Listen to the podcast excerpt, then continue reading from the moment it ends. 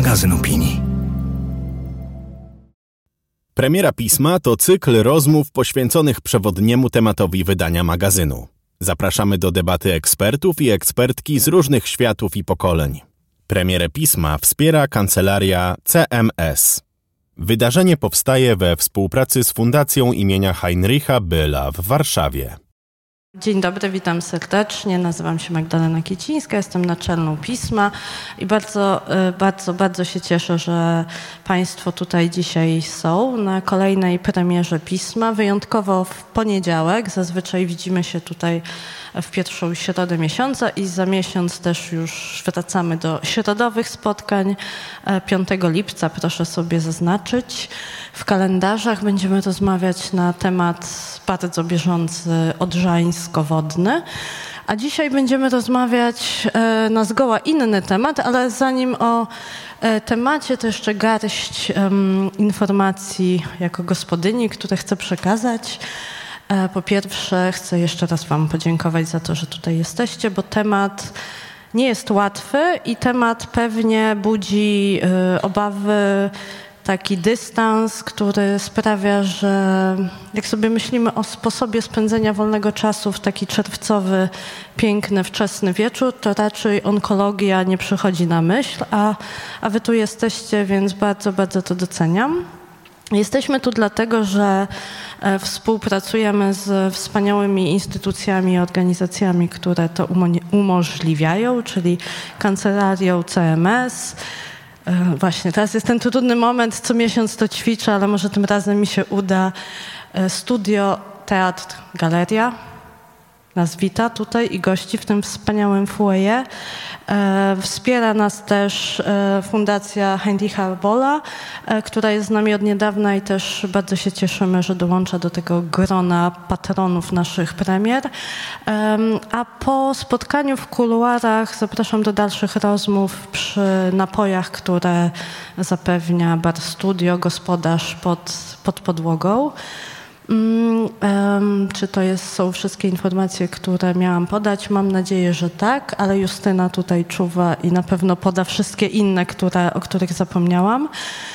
E, I właśnie temat, e, który w czerwcowym piśmie podejmujemy, związany jest z jednej strony tematem trudnym i tematem, którego wszystkim życzymy, by nie był tematem z autopsji, czyli E, chorobami, problemami ze zdrowiem, ale z drugiej strony i bardzo bym chciała Państwa otworzyć na też takie przyglądanie się temu tematowi, e, bo on ma w sobie też nadzieję. Ta nadzieja jest w pytaniu, ale nadzieja jest też w faktach, nadzieja jest e, w nauce, nadzieja na kolejne sposoby, jeszcze bardziej e, efektywne e, i dostępne, bo to też jest ważne, na to, żeby e, różne choroby, dzisiaj będziemy mówili o nowotworach, ale nie tylko, żeby je leczyć. Takie hasło, że rak to nie wyrok, myślę, że już jest nam od dawna znane i przyjęte, ale to jakie są metody leczenia, gdzie my jesteśmy w tej pogoni za kolejnymi e, lekarstwami, za kolejnymi procedurami, to też jest pogoń, e, w której nadziei bardzo dużo trzeba tak pacjentom, jak i naukowcom, naukowczyniom, lekarzom, lekarkom, personelowi medycznemu. I o tym dzisiaj będziemy rozmawiać w gronie wspaniałych kobiet, bardzo mnie feministyczne, moje serduszko się cieszy, kiedy widzi kanapę specjalistek E, które będą na ten temat rozmawiać już Państwa w te ręce e, przekazuję, zostawiam i zapraszam do rozmowy. E, zapraszam do rozmowy dosłownie, jeżeli się pojawią jakieś kwestie, które Was jakoś poruszą, o coś będziecie chcieli zapytać, czy w kuluarach, czy, czy jeszcze w trakcie transmitowanej części, to zapraszam gorąco i widzimy się 5 lipca następnym razem. Drodzy Państwo, Magdalena Kicińska, wielkie brawa, redaktorka naczelna pisma. Słuchaj, tylko ty zostań z nami, bo tu będzie ciekawa rozmowa, wiesz, bo tak się zaczęło, widzimy się, do zobaczenia. E, słuchajcie, dzień dobry, dobry wieczór. Tak sobie pomyślałam, patrząc na Was, że teraz 4 czerwca był taki duży marsz na ulicach Warszawy i bardzo wielu moich znajomych, którzy na tym marszu byli, pisało, że no to jest taka Polska, czuję się, że jestem w gronie takich ludzi, y, którzy mi pokazują, że ta Polska może być też dobra. Ja się tak czuję, kiedy jestem na premierach pisma, bo tak sobie często narzekamy, że nie wiem, Polacy nie czytają albo nie otwierają umysłów, a zawsze, kiedy mam okazję poprowadzić dla Was to wydarzenie, to po pierwsze czuję się u siebie, a po drugie czuję się, że są po drugiej stronie ludzie, którzy mają ochotę na rozmowę. I pozwolę sobie może nie zacząć od pewnej polemiki z redaktorką Kicińską, ale to będzie delikatne, ale poczekaj, poczekaj, właśnie nie, wracajmy do tego, co kiedyś było normą i co kiedyś potrafiliśmy robić, czyli dyskutować. Możemy się nie zgadzać, ale nie znaczy, że będziemy się obrzucać inwektywami w związku z tym. Moim zdaniem takie hasła jak rak to nie wyrok w ogóle nie powinny już funkcjonować, nikt nie powinien ich w ogóle używać. Ja bym chciała też za chwilę moje gościnie zapytać o to, czy się zgodzicie, drogie panie, na to, żebyśmy w ogóle nie rozmawiali rozmawiały dzisiaj o tym, że to jest trudny temat, bo to nie jest trudny temat. Pytanie osobiste. Czy ktoś z Was ma w bliskim otoczeniu kogoś, kto jest pacjentem lub pacjentką onkologicznym, onkologiczną, albo sam jest w tej grupie? Ja pierwsza podniosę rękę, bo moja mama jest taką pacjentką. Więc zobaczcie, jaka duża część z nas te ręce podnosi. Nie wszyscy muszą. Dziękuję Wam. Może nie macie ochoty. Więc mój pierwszy apel jest taki, żebyśmy dzisiaj w ogóle wyrzucili też takie słowa jak walka z rakiem. Co to jest za walka? Jakby kto z kim walczy, z czym walczy? Jak jest, rak jest chorobą? Dzisiaj Wam trochę o tym opowiemy, jak to jest, że rak jest chorobą przewlekłą i będzie coraz częściej chorobą przewlekłą, a to znaczy, że będzie sobie z nami żył bardzo długo i powiem coś jeszcze kontrowersyjnego. Wiesz, Marzena, ja cię strasznie przepraszam, ale ty w ogóle nie wyglądasz jak typowa pacjentka onkologiczna. Mam to jakoś udowodnić? Słuchajcie, to teraz was poproszę o to, za chwilę do tego nawiążemy.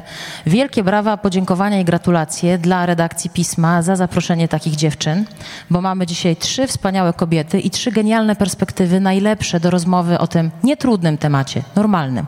Psychoonkolożka, lekarka i pacjentka. Teraz tak, kilka słów o nich. Adrianna Sobol, psychoonkolożka, wykładowczyni w Zakładzie Profilaktyki Onkologicznej Warszawskiego Uniwersytetu Medycznego. Pracuje też w LuxMed Onkologia w Warszawie. Moim zdaniem, i chyba się nie mylę, jest jedną z pierwszych psychoonkolożek w Polsce. Zajmowała się tym, zanim to było modne, że tak się wyrażę, bo teraz rzeczywiście już wszyscy podkreślają, że zespół leczący pacjenta onkologicznego musi mieć w składzie psychoonkologa. Ona to mówi od lat. Brawa dla niej, słuchajcie. Ada Sobol. Ale możesz się ze mną nie zgodzić, może powiedziałam jakąś nieprawdę. Nie, znaczy bardzo mi miło. E, może nie jedną z pierwszych, bo było już e, kilka osób przede mną, ale, ale mam wrażenie, że tak zupełnie szczerze wstrzeliłam się w trend, kiedy po prostu e, ta psychonkologia zaczęła być dostrzegana. O tak bym to nazwała. Mm. W numerze pisma, najnowszym i jak zawsze okraszonym doskonałą okładką, zawsze waszą uwagę zwracam na okładkę, która zazwyczaj nawiązuje do tematu premiery pisma. Znajdziecie dwa takie duże, duże teksty, ale też inne mniejsze związane z medycyną Tekst Ludzie kontra raki, napisany przez Julię Lachowicz-Nowińską, jedną z bohaterek rozmówczyń. W tym tekście jest lekarka, biolożka molekularna, nauczycielka akademicka, profesorka nauk medycznych i nauk o zdrowiu. Moja stara szkoła nakazywałaby mi mówić do niej pani profesor, ale umówiłyśmy się, że będziemy sobie mówić po imieniu, stąd odkładam moją starą szkołę. Specjalistka w zakresie onkologii klinicznej, członkini Akademii Młodych Uczonych Polskiej Akademii Nauk, Anna Czarnecka. Dzień dobry. Dzień dobry. No i wreszcie pozwoliłam sobie na takie e, zdanie, które kogoś mogłoby oburzyć, jak można powiedzieć, że nie wyglądasz jak typowa pacjentka onkologiczna. Ale ja cię znam z mediów społecznościowych, z tekstów, chociażby z genialnego wywiadu, dużego w wysokich obcasach, na temat tego, jak to... E, chcesz zarabiać pieniądze, pieniądze są dla ciebie ważne, jak dla wszystkich nas dzisiaj w czasach, w których żyjemy, a jest to kapitalizm, a jak sama nazwa wskazuje, kapitał jest czymś, co rządzi tymi czasami. E, jesteś pedagogzką, aktywistką społeczną, dziennikarką, twórczynią tekstów o tematyce społecznej, masz swoją stronę na Patronajcie, nagrywasz podcasty związane właśnie z onkologią, z rakiem, z nowotworami. Jesteś dziewczyną, która prowadzi konto na Facebooku Rakija. Jest taki alkohol w ogóle Rakija, tym się można strasznie upić. Rak i ja. Nazwa jest nieprzypadkowa. Ja wiem. Marzena Erm, słuchajcie, wielkie brawa dla niej. Bo tak przy okazji jesteś osobą chorującą paliatywnie, jak to się nazywa, na nowotwór płuc z przerzutami do mózgu. Kropka. I sobie siedzimy dzisiaj i wszyscy rozmawiamy i wszystkie. Ja się nazywam Justyna Dżbik-Kluga, jestem dziennikarką i chcę zacząć właśnie od tego, od tego hasła od ciebie, Aniu. Trudny temat. Rak to trudny temat, nowotwór to trudny temat. Jak bardzo byś chciała lub też nie chciała, żebyśmy w różnych rozmowach, również tych kuluarowych, tak mówili? Ja myślę, że to nie powinien być trudny temat. To jest normalne słowo. Zresztą wydaje mi się, że trochę się już spopularyzowało w języku. Jak zaczynałam pracę zawodową, to a propos, przepraszam, jeszcze taki coś wtrącę. Wiem, że nie wyglądam jak typowy profesor medycyny. To a propos nietypowego pacjenta i nietypowego lekarza. To pacjenci, którzy do mnie przychodzili, mieli często w ogóle problem z wymówieniem słowa rak. Mówili do mnie, pani mi powie, czy ja mam tego, co chodzi do tyłu. Na początku, jak byłam bardzo młodym lekarzem, co? Na, na, co pan ma? Natomiast y, w dzisiejszych czasach to na szczęście jest już coraz bardziej normalne słowo i między innymi właśnie dzięki różnym akcjom społeczną i aktywności własnej pacjentów i organizacji pacjenckich, które powodują, że te problemy są dostrzegane w przestrzeni publicznej Dużą taką e, też pozytywną zmianą, e, która no, może Państwu się trochę skojarzy politycznie, natomiast jest rozwój Krajowej Sieci Onkologicznej i Narodowej Strategii Onkologicznej, które no, Narodowa Strategia Onkologiczna ma już parę lat. Krajowa sieć właśnie ruszyła w tym roku, e, dosłownie niedawno, więc te problemy są coraz bardziej dostrzegane i uważam, że to jest zupełnie normalny temat do rozmowy. A co to znaczy, że nowotwory czy choroby nowotworowe są chorobami przewlekłymi? To też pada w tekście Julii, to też przewija się w, no, w zapowiedzi chociażby naszego spotkania. Co to znaczy i na ile ty jako lekarka to uznajesz? Nowotwory są chorobami przewlekłymi dzięki znamienitemu rozwojowi nowych terapii, czy to immunoterapii, czy terapii ukierunkowanych molekularnie. Przewlekłymi to znaczy, że można z, z nimi również w stadium rozsiewu żyć wiele lat, również zachowując wysoką jakość życia. Oczywiście nie jest tak w wypadku każdego pacjenta i każdego rozpoznania, bo każdy przypadek jest inny. Natomiast dawno temu mówiliśmy o tym, że liczyliśmy przeżycie albo mówiliśmy, że ktoś wyzdrowiał, jeśli osiągnął magiczną granicę pięciu lat. Dzisiaj to jest już mm, właściwie nieaktualne, bo w wypadku na przykład nowotworów, które ja leczę, czyli czerniaków, mm, w wypadku rozsiewu jest grupa pacjentów, jeśli zastosujemy określoną terapię, nie, nie ma znaczenia jaką, to ponad 50% żyje powyżej 5 lat. Czyli mm, nowotwory stały się w pewnym zakresie, tym samym czym stało się obecnie na przykład długoterminowe przeżycie pacjentów z AIDS. Tak? To są kiedyś y, choroba nieuleczalna i szybko śmiertelna, obecnie można z nią żyć bardzo długo. Także owszem, onkologia no, wiąże się z tym, że mamy skrócone życie takich pacjentów w stosunku do spodziewanej osiemdziesiątki często, natomiast nie oznacza y, tak szybkiego y, i tak znacznego skrócenia życia jak jeszcze kilka lat temu. Dzięki, że powiedziałaś o tych pięciu latach, bo nie wiem, czy wy też mieliście taką wiedzę, ale to było takie, dobra, pięć lat po, po wyleczeniu, pięć lat po chemioterapii, pięć lat przeżyła, czyli już jakby odhaczamy, tego nowotworu nie ma, co też pewnie nie do końca jest prawdziwe, bo on gdzieś tam może zapukać znów, ale o tych medycznych aspektach jeszcze będziemy za chwilę rozmawiać. Wędruję do ciebie, Adrianno, teraz z tym pytaniem o E, o wątek, który właściwie Ania też u siebie poruszyła, czy, czy rozwinęła tej świadomości i do tego, od czego zaczynałam, że kiedyś psychoonkolog to był, kto to w ogóle jaki psychoonkolog, ale, ale co? Po co? W ogóle tak jak z psychologiem, to już też się zmienia. Ale psychoonkolog teraz, z tego co wiem, to naprawdę bardzo ważnym elementem zespołu terapeutycznego, który pomaga pacjentowi, pacjentce z nowotworem, jest psycholog. Bardzo się z tego powodu cieszę. Nie dlatego, że w związku z tym mam więcej pracy, tylko mm, że zwiększa się rzeczywiście ta świadomość. I to jeszcze kilkanaście lat temu, kiedy zaczynałam tak naprawdę działać w, tym, w tej działce, w tym obszarze, to było, no ale co właściwie, jakby, co to mi da, tak? Choroby mi pani nie zabierze, a o czym tu gadać? Jak tylko jeszcze będę o tym mówić, to jeszcze bardziej się zdołuję i w ogóle koniec świata. Teraz jest zupełnie inaczej. Cieszę się, tutaj trzeba przyznać, że bardzo mocno, mogę tak użyć takiego słowa, wypromowały albo um, jakby rzeczywiście uwypukliły tą potrzebę, to są sami pacjenci i organizacje pacjenckie, które bardzo mocno zwróciły uwagę na to, ale ja jestem w tym szpitalu, e, wracam do domu e, i towarzyszy mi silny lęk. Też pamiętajmy o tym, że rolą psychoonkologa to jest trochę takie ja to nazywam takim bycie łącznikiem pomiędzy lekarzem a pacjentem, a jego rodziną. Bo jak pojawia się choroba, to choruje absolutnie cała rodzina. Dodatkowo pojawiają się te trzy litery rak i człowiek po prostu jest w kompletnym przerażeniu. Ja wrócę do tego, co tutaj zaczęłyśmy rozmawiać, zaczęliśmy rozmawiać o, o tym, czy, mm, czy powinniśmy mówić, że rak jest trudny.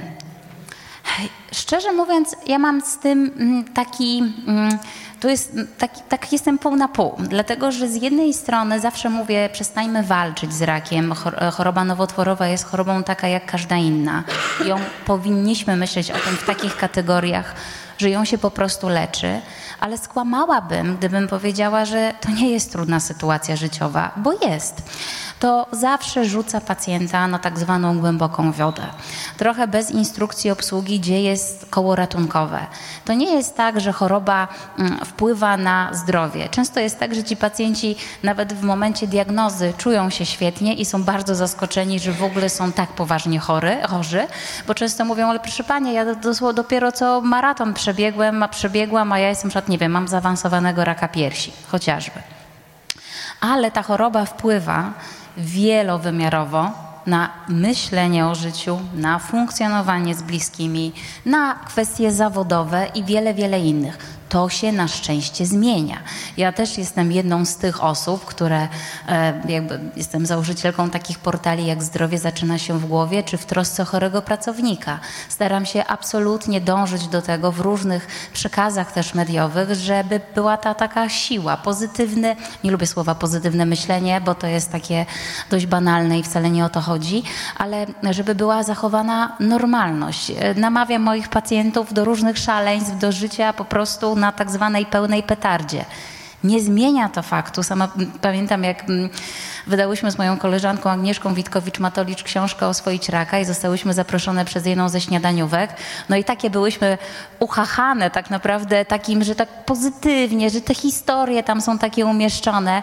I potem naprawdę pojawił się ogromny hejt w internecie, za który bardzo dziękuję, bo, bo my chciałyśmy dobrze, my chciałyśmy jakby zmienić trochę jakby mówienie o tym raku. Wcale książka nie jest taka um, hi, hi, hi, ha, ha, ha.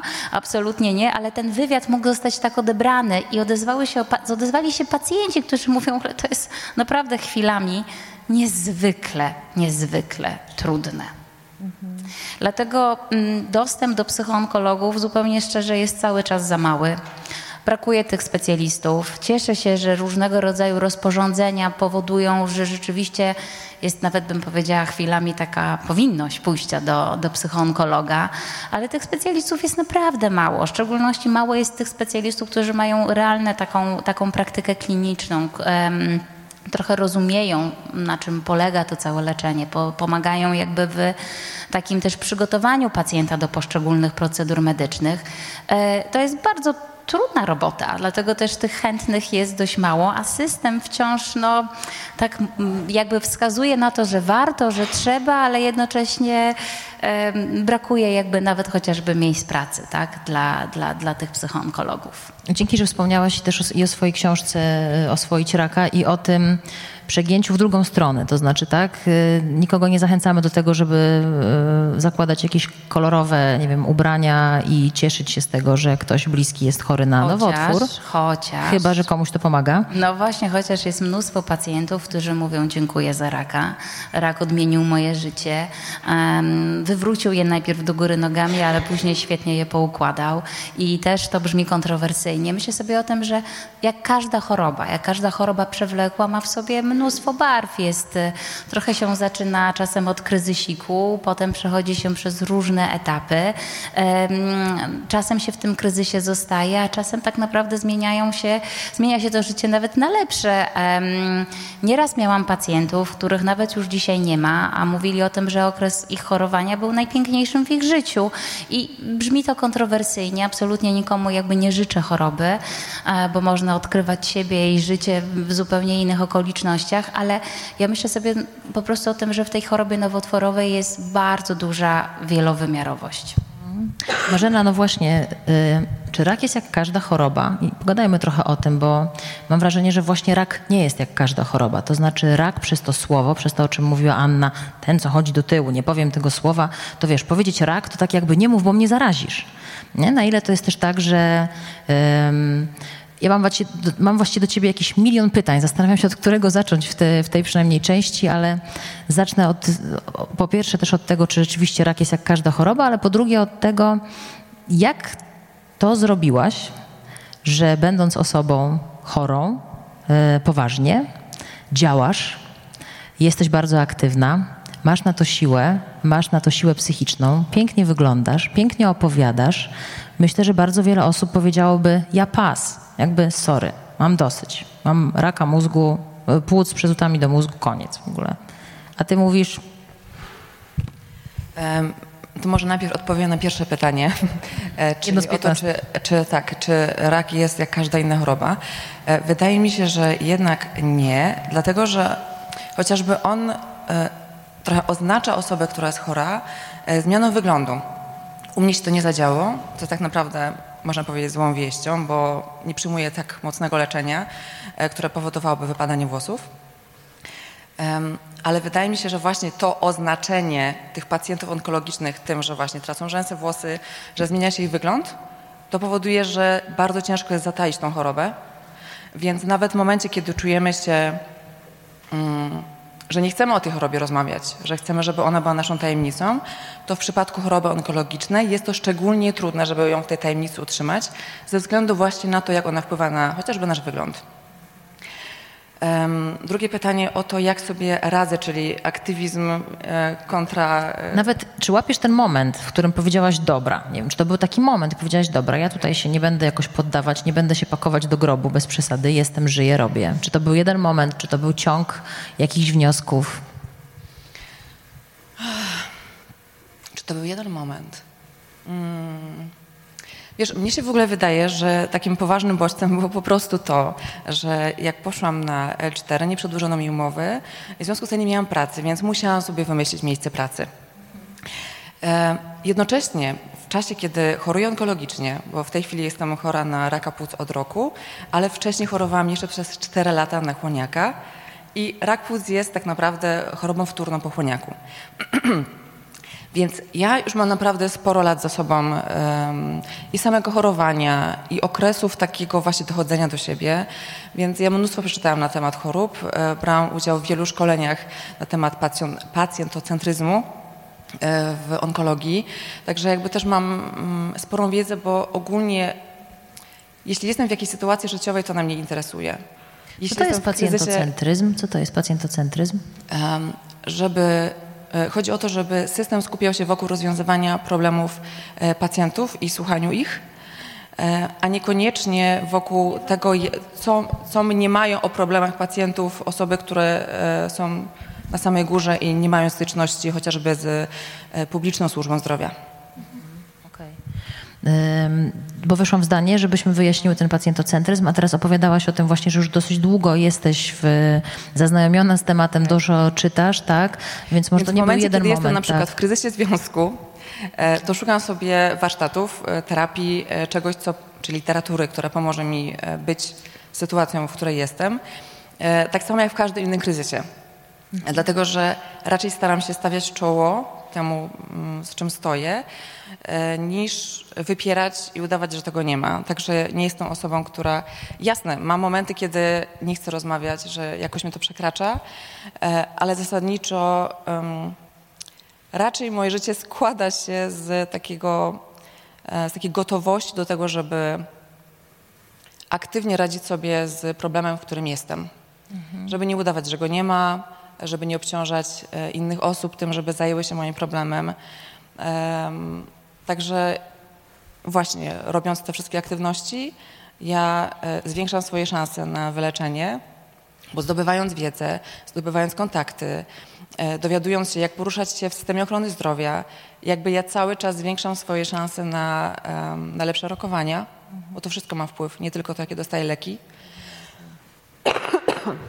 Przepraszam.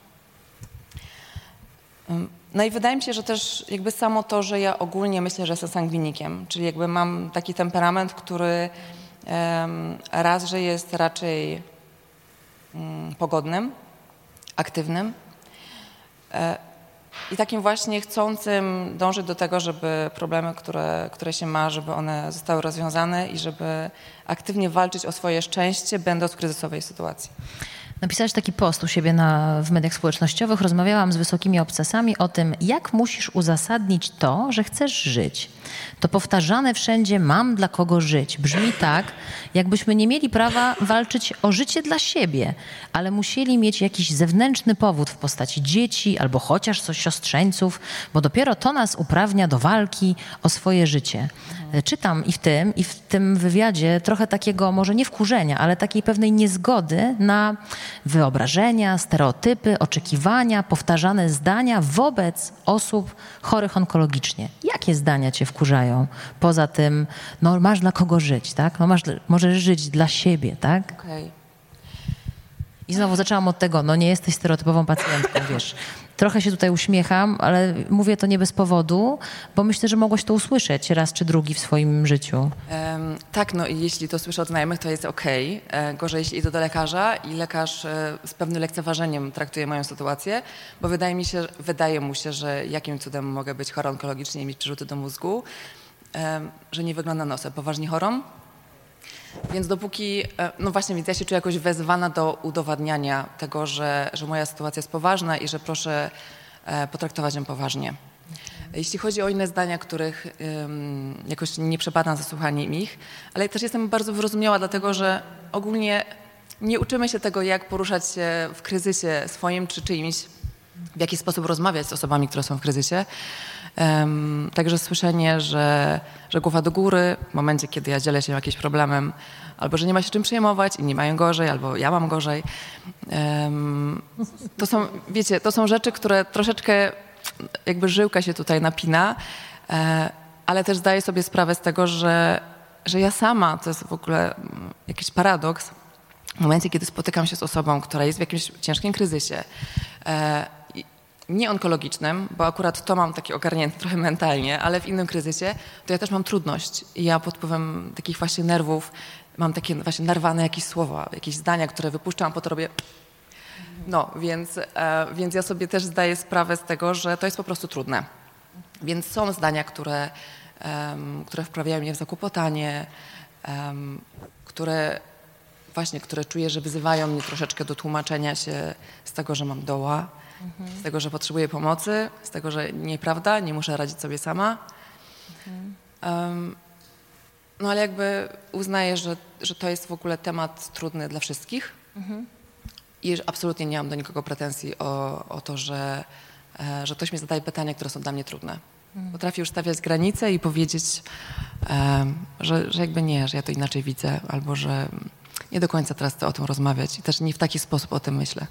To zatrzymajmy się przy tym, e, zanim powędrujemy w stronę nieco bardziej skomplikowanej medycyny, bo zrobimy to, pani profesor obiecuje. Ale na razie jeszcze pobądźmy. No to do, do ciebie pytanie, Ania, w takim razie, bo e, ten motyw, który Marzena podniosła, bardzo ważny. Choruje coraz więcej młodych osób. Ja na przykład poza mamą, która już ma trochę lat i jest pacjentką onkologiczną, mam bardzo bliską znajomą, która jest e, osobą wyleczoną, nie wiem, czy już mogę tak mówić, tak? 5 lat to 10, no leczącą się na raka piersi, bardzo młodą. I jest coś takiego, nie wiem, czy wam się Osobą, zdarzyło. która była leczona radykalnie. Tak się mówi? Tak by było profesjonalnie. O Jezu, dobra. Osobą, która była leczona radykalnie, myślę, że dobra. W każdym razie też chorą na nowotwór, młodą, 30, nie pełna 30-letnią i teraz nie wiesz, co powiedzieć. To znaczy, jak wesprzeć kogoś, kto jest chory, przychodzi i mówi, mam nowotwór. No, dowiadujesz się, bliska osoba. Co powiedzieć? To nie, jest do, nie jestem dobrym adresatem tego pytania, bo ja mówię, że masz nowotwór. to jest chyba mm, raczej pytanie. Spokojnie, to doj- dojdziemy do Ady. Dojdziemy do Ady. No właśnie, pytanie, jak mówisz, to prawda.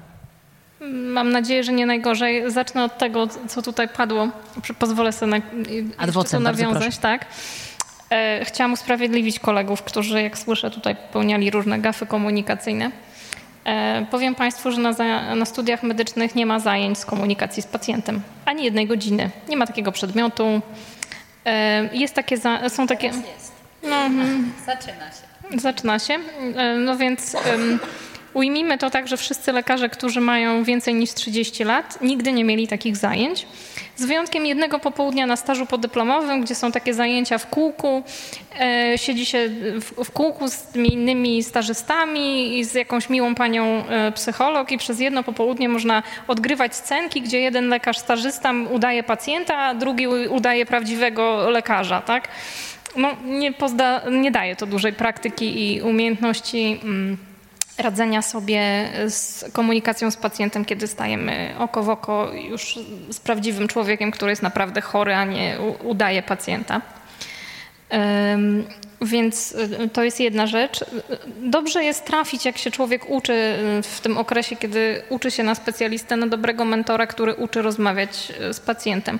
Ja miałam takie szczęście, że mm, mój były kierownik przypisał mnie do takiej opieki, do koleżanki Ani, którą obie znamy i ona miała olbrzymi dar rozmawiania z pacjentami i w takiej mm, sympatycznym, ciepłym tonie umiała rozmawiać z pacjentami i myślę, że w swoich zdolnościach komunikacji, które mam nadzieję są ciut lepsze niż tych, co tam mówią, że nie jest najgorzej. e, Myślę, że dużo zawdzięczam koleżance, ale nie żadnemu, niczemu ze studiów, tak? Także z góry proszę o łagodne spojrzenie na kolegów po fachu.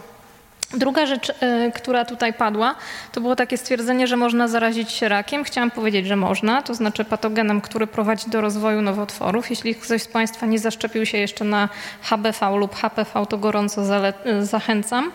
Oba szczepienia są przewidziane dla obu płci i są możliwe również u osób dorosłych, chociaż akurat HPV teraz modny w telewizji jest refundowane w grupie e, dzieci w wieku lat 12 do 13, natomiast nie jest to szczepienie nie, nieskuteczne u osób dorosłych. Mm, Czasem warto je po, e, poprzedzić badaniem e, na to, czy ten wirus już się może jest jego nosicielem lub się go ma. E, Natomiast jeśli ktoś z Państwa chciałby zmniejszyć swoje ryzyko w cudzysłowie zarażenia się rakiem, to zachęcam do szczepień. Mam nadzieję, że nie zostanę zlinczowana przez antyszczepionkowców. Jakby mam wrażenie, że na premierach pisma w ogóle nie ma linczu. Jakby nigdy nie było i raczej sądzę, że nie będzie. Nawet nie mam nadziei, tylko jestem o tym przekonana, że właściwie to nie tutaj. Ale ja wrócę do mojego pytania i ja nie bez powodu z tym pytaniem do ciebie, jeszcze zanim do Ady, no bo cenne, co powiedziałaś o tym, jak lekarz mówi pacjentowi. Za chwilę z Adą porozmawiamy o tym, na ile to ma znaczenie właśnie, jak lekarz komunikuje diagnozę. Yy, Ale znów, z twojego doświadczenia, z twoich rozmów z pacjentami, z twoich rozmów z bliskimi, to wsparcie dla osoby, która jest chora onkologicznie, co powiedzieć? Nie martw się, będzie dobrze. No to chyba takie kierunki dosyć dyskusyjne. Czy jeśli to dotyczy y, osoby, która mi mu- jest w gronie moich znajomych i pytam, y, no, informuje mnie, że otrzymała takie rozpoznanie, to ja pytam, jak mogę tej osobie pomóc, tak? Nie mówię, że będzie dobrze albo nie martw się, bo to wszystko jest jedno i drugie nie, nieprawda, tak? Mm, albo przynajmniej jest to głęboki banał. Natomiast ym, myślę, że każdy z nas może pomóc. Ja oczywiście pytam też pod kątem pomocy y, takiej na zasadzie medycznej, natomiast taką osobę można wesprzeć w różnych rzeczach, można ją odciążyć w jakichś pracach domowych, można ją zabrać w jakieś ulubione miejsce, można zrobić tysiąc innych rzeczy, które y, ta osoba może nas poprosić o przygotowanie jej posiłku, bo właśnie jest tak zdołowana, że nie ma siły tego zrobić. Są dowolne formy pomocy, o które ta osoba może prosić. Nie trzeba być lekarzem, żeby komuś pomóc. Czy tobie Marzena pomogło, pomaga wsparcie psychologiczne, psychoterapeutyczne? E, Ja w ogóle korzystam z pomocy psychoonkologa e, i robi mi to naprawdę kawał dobrej roboty. Oczywiście przed pierwszym spotkaniem zadawałam sobie pytanie, ale co mam powiedzieć, E, bo w zasadzie na wszystkie pytania, które zadawałam sobie w głowie, sama potrafiłam sobie jakoś odpowiedzieć. Em, Tyle, że właśnie chodziło o to, że to jakoś odpowiedzieć. E, najczęściej nie było tym, co prowadziło mnie do zdrowia i co mnie budowało, i co wzmacniało moją, moją wolę walki o swoje życie, co wzmacniało mój aktywizm w sensie na rzecz tego, żeby zwiększyć swoje szanse na e, jak najlepsze leczenie i najlepsze rokowanie. E, Także ja e, korzystam z pomocy psychoonkologa i uważam, że to jest rzecz, która niesamowicie mi dobrze układa w głowie.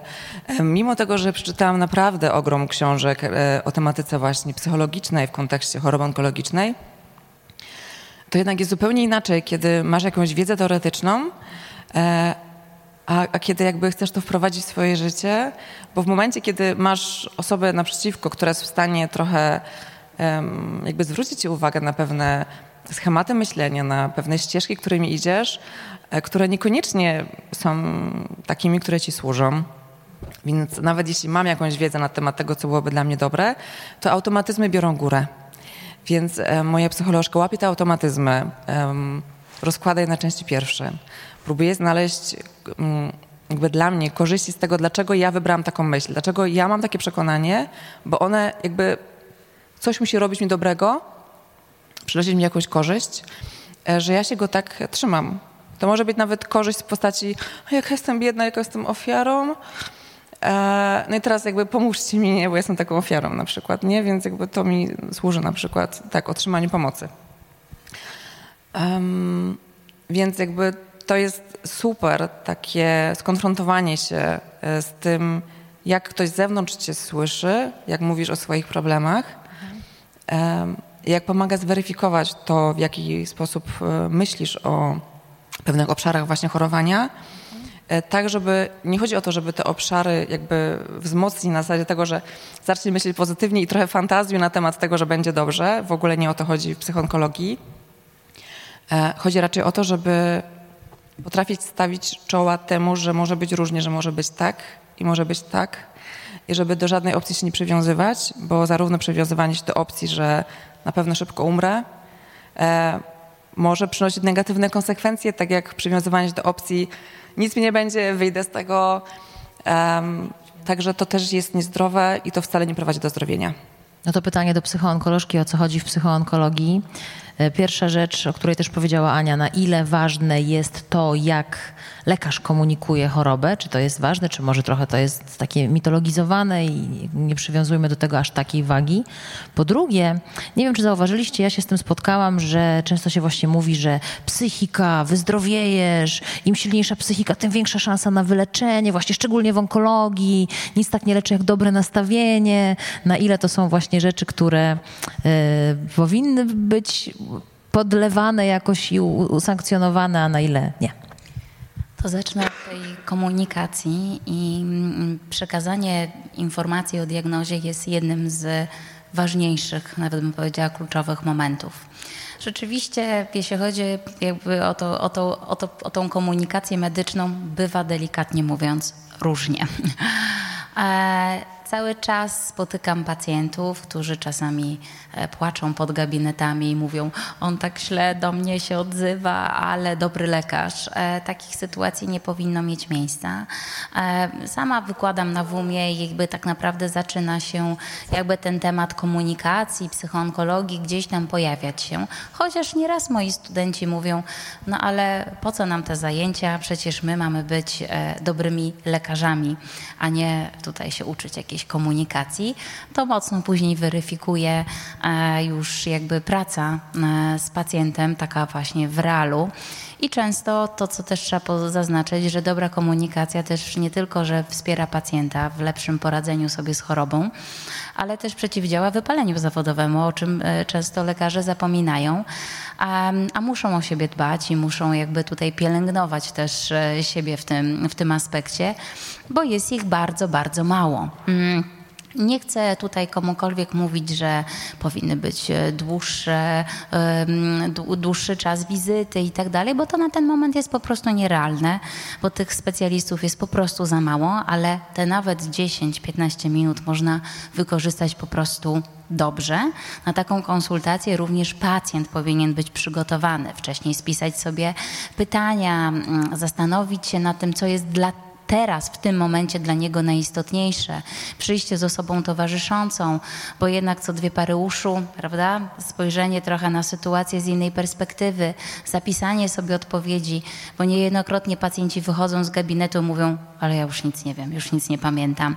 I trochę jest też tak, że to, ten lekarz też jest obciążony i trochę sfrustrowany, kiedy już to powiedział, tak? E, I też jest zmęczony, a pacjent pod wpływem też silnych emocji, bo tutaj nie ma winnego, tak? E, po prostu nie zapamiętał. Więc takie przygotowanie się i też pamiętanie o tym, że to nie lekarz będzie koił nerwy i lęki pacjenta. To jakby z tymi z różnymi strachami trzeba właśnie się zgłosić do kolejnego specjalisty, jakim jest na przykład psychoonkolog czy psychoterapeuta. Ale jakby to dobrze jest, żeby to nazwać, bo czasami jakby pacjenci mają też błędne oczekiwania wobec, wobec, wobec lekarza. Nie zmienia to faktu, że mm, mogę podać to na przykład, że mam taką pacjentkę, która leczyła się na e, raka piersi około 7 lat temu i mam z nią kontakt do dzisiaj, bo ona mówi, Pani Ado, no co z tego, że już jestem dawno po chorobie?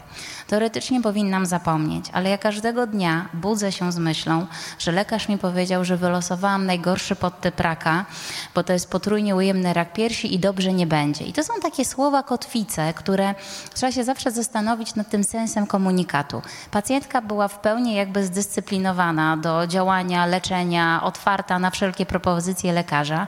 I oczywiście nikt nie chce tutaj oszukiwać pacjentki, że potrójnie ujemny rak piersi jest jakimś tam wyzwaniem, ale już nie przesadzajmy. Jest po prostu, jest po prostu chorobą, którą się, którą się leczy.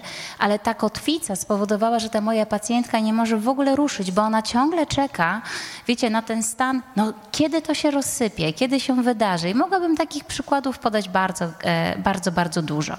Więc musimy pamiętać o tym, że są słowa, które budują i są słowa, które rujnują.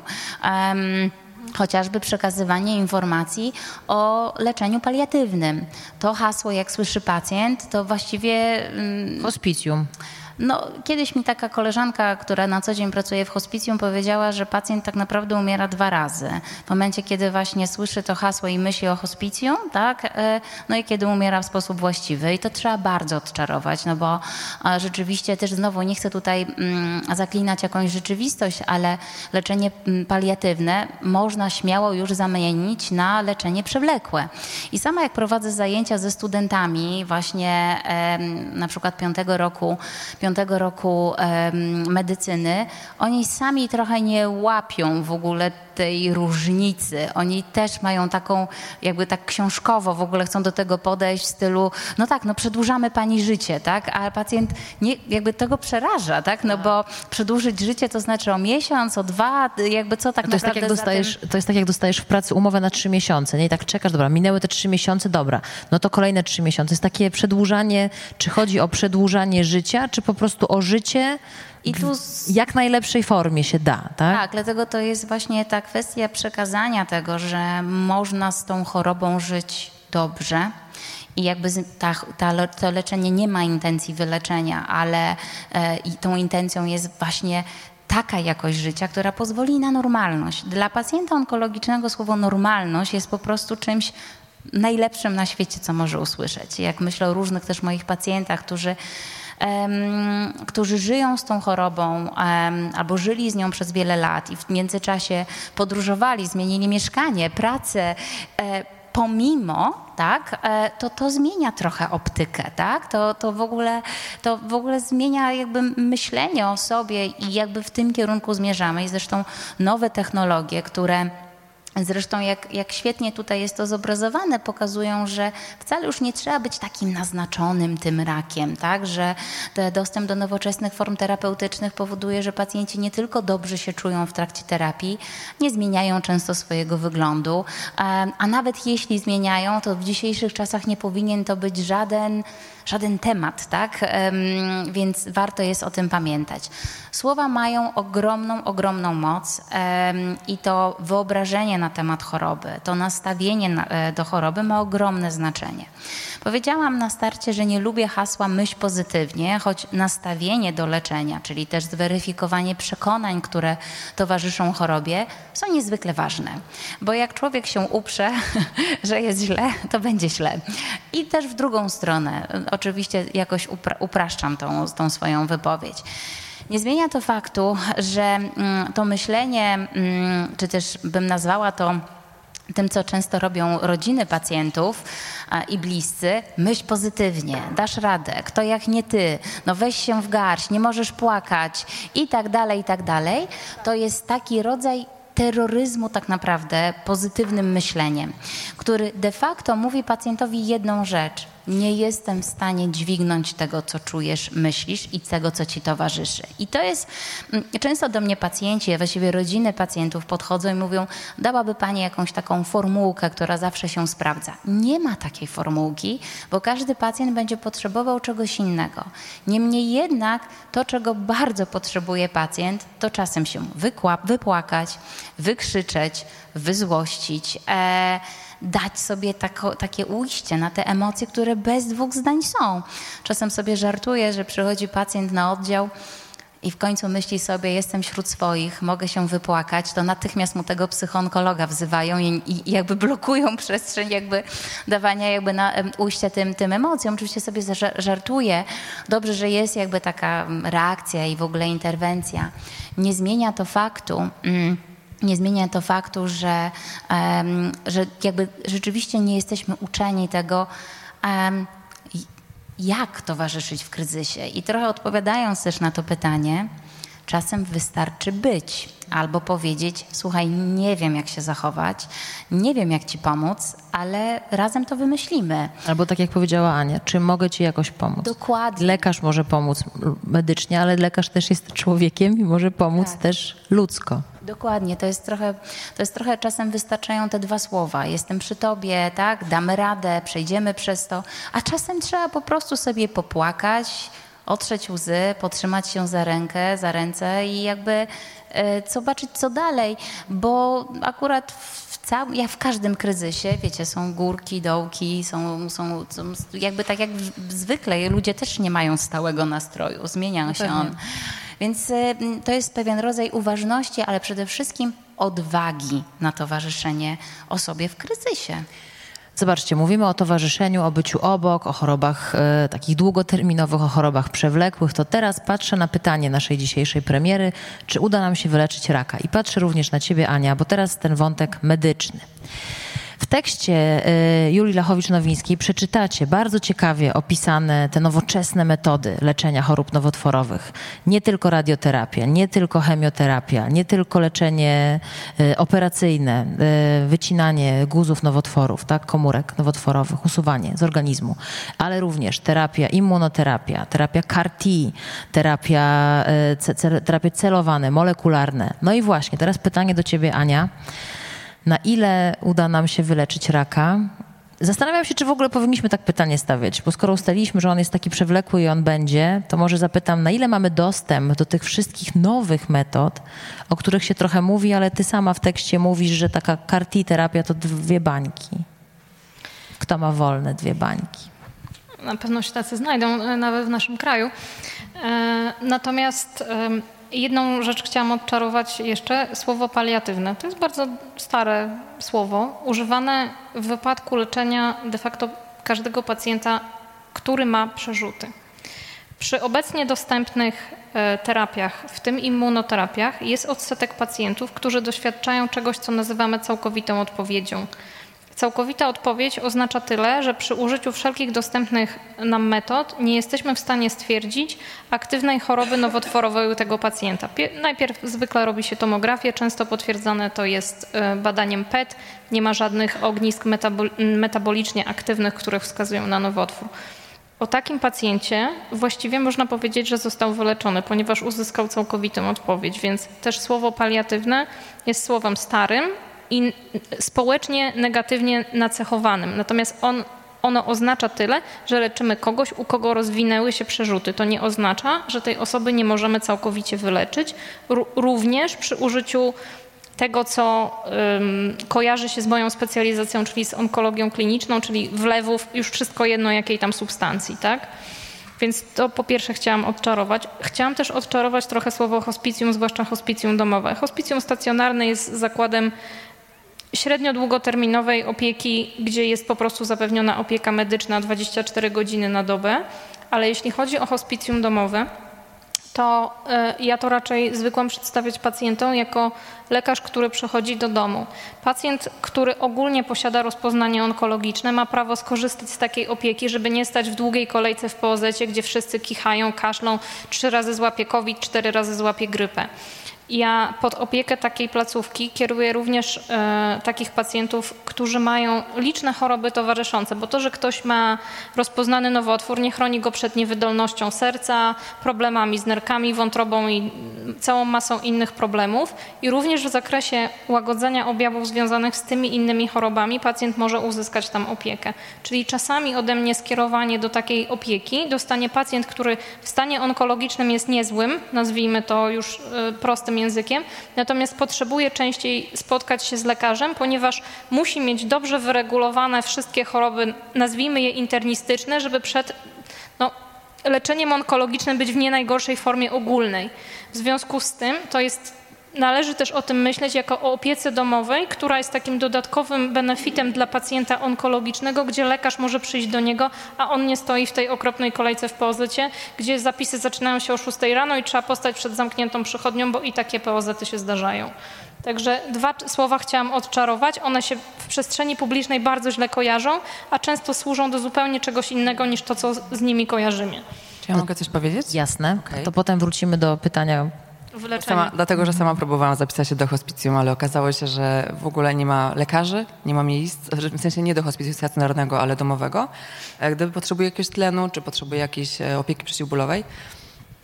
Um, no więc jakby nie udało mi się to, ale to też było turbo trudne, że ja dostałam w ogóle skierowanie takie e, od lekarza, co w zasadzie e, no jakby przeraziło mnie, ale potem jakby zobaczyłam, że to jest jakaś dodatkowa forma wsparcia.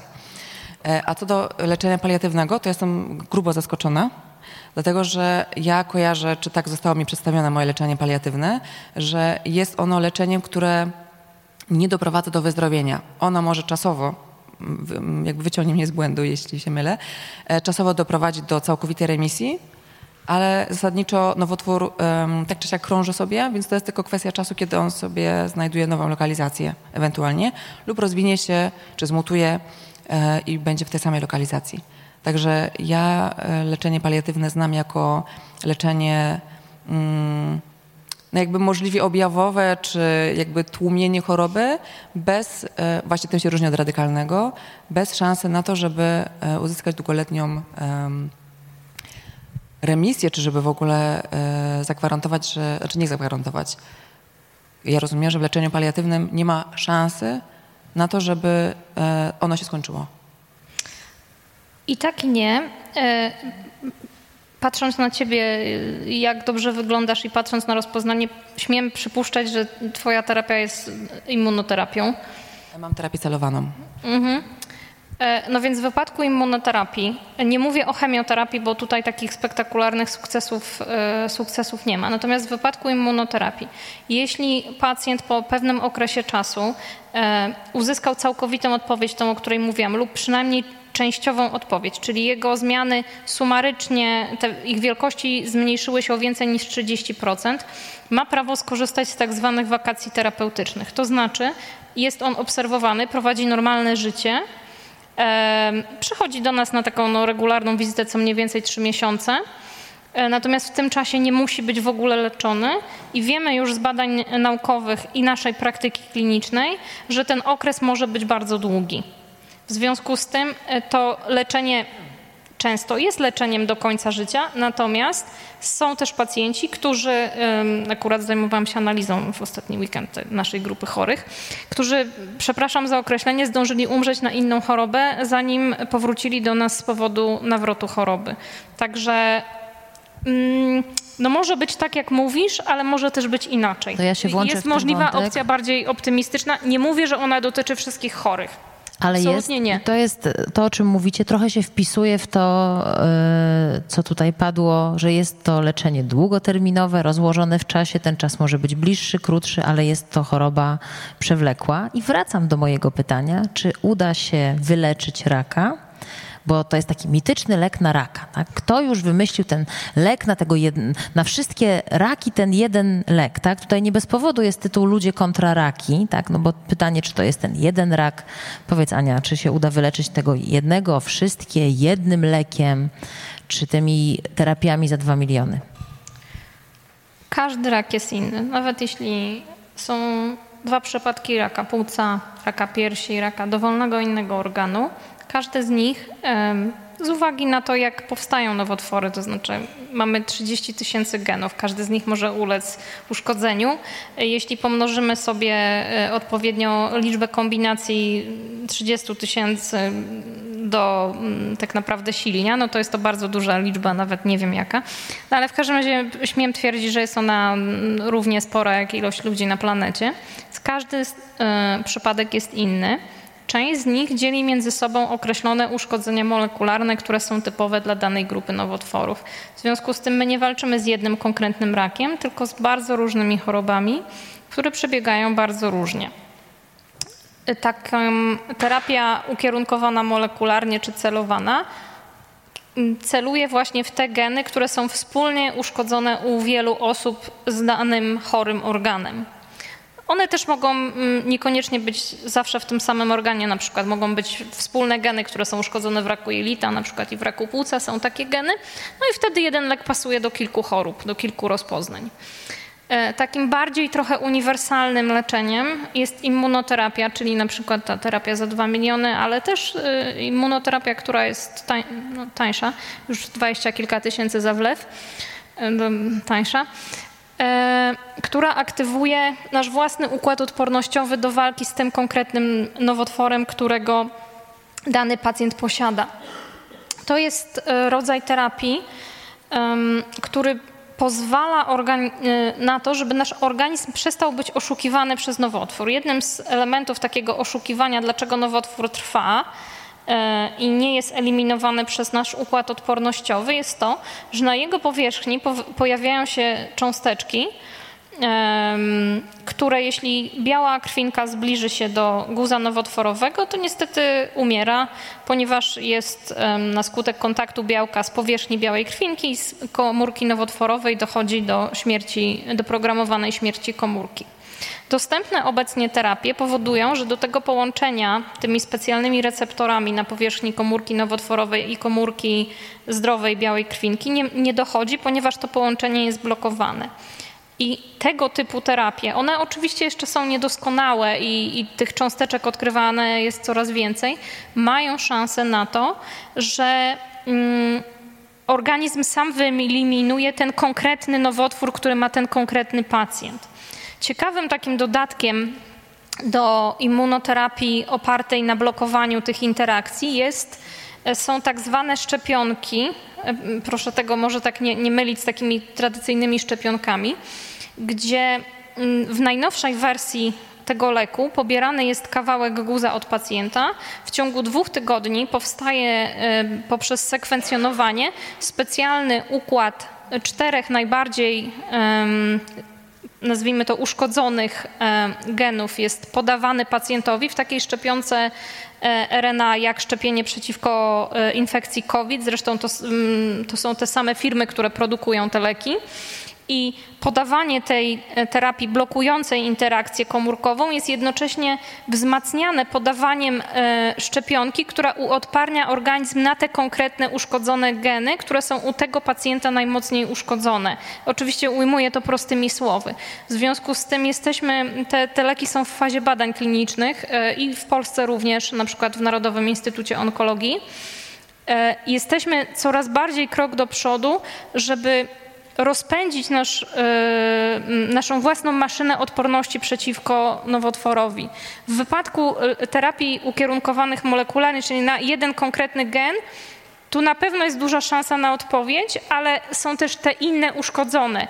A jeśli biała krwinka przyjdzie do komórki nowotworowej, to obrazowo mówiąc, ona robi w niej małą dziurkę, przez którą cała zawartość tej komórki się wylewa i jest to sprzątane przez dodatkowe białe komórki, no, konkretnie makrofagi.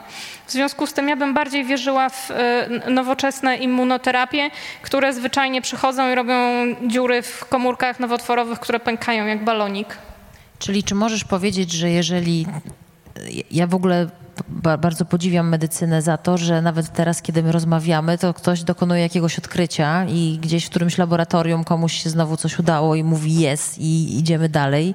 Może tak e, za bardzo optymistycznie, ale myślę, że ten postęp dzieje się właściwie na naszych oczach. Czy możesz powiedzieć, jako lekarka, że z biegiem kolejnych dni, miesięcy, lat pacjent, który będzie przychodził, biorąc pod uwagę, że tych nowotworów jest mnóstwo, tyle ile ludzi, tyle ile tych mutacji genetycznych, tak? Przychodził i coraz częściej słysząc diagnozę ma pan, pani nowotwór, będzie mógł powiedzieć, ale mamy jakieś metody walki, leczenia, które mają szansę być skuteczne. Streszczając odpowiedź tak, ale po pierwsze e, najłatwiej nawet naszym białym krwinkom jest rozprawić się z tymi nieprzyjaznymi komórkami nowotworowymi, jakich jest stosunkowo mało. Więc e, tu chciałam Państwa też przy okazji zachęcić do dostępnych powszechnie badań profilaktycznych, to nie muszę powtarzać, że odzew na zaproszenia wysyłane do programów profilaktycznych, na przykład na darmową mammografię, cytologię, kolonoskopię, jest mniej więcej 30%. To znaczy 70% zaproszeń ląduje w koszu na śmieci, nikt ich, nie wiem, nie czyta, nie dzwoni, nie przychodzi. Mamy dużo wolnych terminów. No bo to jest takie polskie podejście pod tytułem jak nie wiem, to nie mam tej choroby. Znaczy... Mhm. Jest, to cały czas pokutuje jeszcze w kolejnych pewnie pokoleniach. E, dobrą e, też metodą wczesnego wykrywania nowotworów jest wykonanie sobie e, USG brzucha w każdym roku. Każdy z nas dobrze, żeby sobie je zrobił. Część nowotworów z dawien dawna ma taką piękną nazwę incydentaloma, czyli coś wykryte przypadkiem. To najczęściej są nowotwory albo trzustki, albo nerki, natomiast to też są choroby śmiertelne, więc warto je wykryć, kiedy mają 1 cm, a nie kiedy mają ich 10. Gdzie jest to ale, przepraszam, bo na razie zatrzymałam się, że tak, że okej. Okay. Tak, ale lepiej wcześniej niż później, a w, niestety nasze społeczeństwo ma tendencję do zwlekania z pojawianiem się u lekarza. No to już powiem trochę coś takiego z prywatnej praktyki. Ja pracuję w klinice nowotworów tkanek miękkich kości i czerniaków. E, leczymy e, nowotwory, które nazywają się mięsaki, rzadka grupa nowotworów. E, myślę, że nie Państwa e, wie, jak one wyglądają, natomiast mm, no, ogólnie duża część z nich jest zewnętrznie widoczna, ponieważ zaczyna pojawiać się na dowolnym obszarze ciała coś, co jest najpierw małym guzkiem, potem piłeczką e, golfową, potem jest piłeczką tenisową. Nasi pacjenci mają tendencję do zgłaszania się z piłką nożną. E, więc tendencje społeczne ogólnie nie są dobre w naszym kraju, dlatego powiedziałam, że ale, bo jednak piłeczkę golfową leczy się łatwiej niż piłeczkę e, do gry w nogę. Mm, z każdego punktu widzenia, czy chemioterapii, czy chirurgii, czy radioterapii, czy immunoterapii, czy dowolnej innej dostępnej terapii. Więc ale prosimy też pacjentów o współpracę. USG brzucha raz do roku nikogo jeszcze nie zabiło.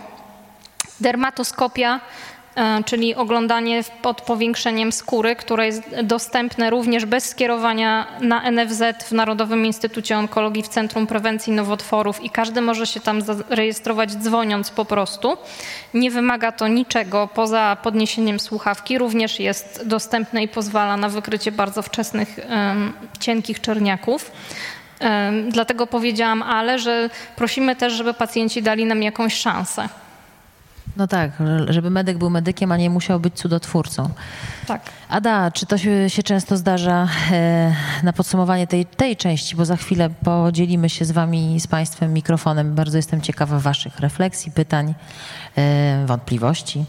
Czy to się zdarza, że pracujesz często z pacjentami, którzy e, no, są chorzy, może nie, dowiedzieli się późno, to znaczy właśnie przyszli z tą może czy, czy piłką nożną, tak jak mówi Ania, czy już zaawansowaną chorobą, tak? Na ile to jest też problem, który ty obserwujesz? Mm, tak, zdecydowanie. Znaczy, mimo wszystko musimy pamiętać o tym, że choć mówimy cały czas, coraz więcej o chorobach nowotworowych, to to zaklinanie rzeczywistości, to właśnie niestosowanie się do, do w ogóle takich przeglądu, takich badań przesiewowych, no powoduje to, że przeważnie zgłaszają się pacjenci naprawdę na bardzo późnym etapie i niejednokrotnie zadajemy, na przykład ja też jestem obecna na konsyliach onkologicznych i zadajemy pytanie, czemu dopiero teraz? I często pada za tym bardzo taka rozbrajająca, szczera odpowiedź, bo nie miałam na przykład czasu, ale albo ciągle było coś ważniejszego do zrobienia. Jednocześnie też mam też taką, takie wrażenie, że Polacy mają taką tendencję, Polak leczy się sam, tak długo jak da radę. Do tego są różnego rodzaju babcine sposoby, które też po prostu pacjenci trzymają, a dodatkowo, i to jest też nie lada temat na myślę, że może jakąś inną dyskusję, to jest kwestia w ogóle uciekanie w różne alternatywy. E, jak się wpisze w wyszukiwarkę internetową leczenie raka, to właściwie pierwszych parę stron to jest jedno wielkie czary mary. W internecie można sprzedać absolutnie wszystko, a biorąc pod uwagę, że przecież jest spisek Big Farmy, to przecież trzeba wierzyć w różne jakieś tam wlewy z witaminy, albo wkładanie sobie cieciorki w nogę, albo nawet łykanie, łykanie tasiemców kupionych na Allegro. Wiecie, to są takie historie, które są absolutnie przerażające i żeby było jasne, wcale mm, tak, no nie chcę tutaj nikogo obrazić, ale nie dotyczą osób z jakichś, e, po prostu jakiegoś tak zwanego ciemnogrodu, nie wiadomo skąd. To są ludzie wysoko wykształceni, żyjący w dużych miastach. Zresztą też taką historię opisałam właśnie w książce Oswoić raka mm, młodej dziewczyny, która no, nie wiedząc czemu nie chciała leczyć tej choroby i dopiero zgłosiła się do nas wtedy, kiedy doszło do samoistnej amputacji piersi, no bo leczyła się przez rok chińskimi ziółkami. E, I takich historii jest bardzo, bardzo, bardzo dużo i mm, pomimo że właśnie coraz więcej jest kampanii edukacyjnych e, w, właśnie na temat profilaktyki, to cały czas jest to ten temat, o właśnie jak powiedziałaś, no lepiej nie wiedzieć, jak pójdę do lekarza, no to coś się, coś się coś To jest się takie nawet okaże. polskie powiedzenie kiedyś, że się nie chodzi do lekarza, bo, jak, bo lekarz zawsze ci coś znajdzie. To jest po prostu też takie, ja pamiętam to, że Tak. zawsze coś ci znajdzie lekarz. To co będę szedł, bo na Dokładnie. pewno on coś znajdzie. A jak znajdzie, to już na pewno to jest koniec świata i nic dobrego mnie nie czeka. Bardzo się cieszę, że jest tyle młodych ludzi, bo to jest też taki mit, który, który towarzyszy młodym. Na zasadzie nie, to nie jest choroba, który, która może mnie dotknąć, bo ja jestem za młoda, za młody na raka. E, No ale to tak nie wygląda. No, mm, ja też mam oddział po prostu właściwie pełen młodych, bardzo młodych ludzi, e, którzy są w szoku, e, że jak to się mogło zadzieć w tak młodym wieku. Mogę coś powiedzieć? Dla mnie jeszcze kwestia tego, dlaczego pacjenci korzystają z alternatywnych metod i wsadzania sobie gdzieś cieciorki, jest też o tym, że mamy niski poziom zaufania do lekarzy. E, Jednym z powodów, który uważam za istotny tutaj, jest właśnie to, że w jaki sposób, e, na jakich podstawach mamy ufać lekarzom, jeśli oni przyjmują nas i szybko, byleby nie zagadać, byleby za długo nie mówić i bardzo często traktują nas w zasadzie jako klienta, którego szybko trzeba odprawić, bo on przeszkadza, bo mi zajmuje czas. E, Więc jeśli nie będziemy mieli zaufania, czyli jakby nikt u władzy, u decydentów w sprawie służby zdrowia e, nie zauważy tego, jakie znaczenie ma czas dla pacjenta, to pacjenci będą się oddawać alternatywnym metodom, dlatego że e, nie są w stanie zbudować zaufania z lekarzem, który nie ma dla nich czasu e, i e, któremu oni przeszkadzają swoją obecnością. Coś chciałam powiedzieć o problemie systemowym a propos braku czasu. No bo ja nie wiem, słuchajcie, bo nie wiem, czy jesteście gotowi na drugą e, debatę.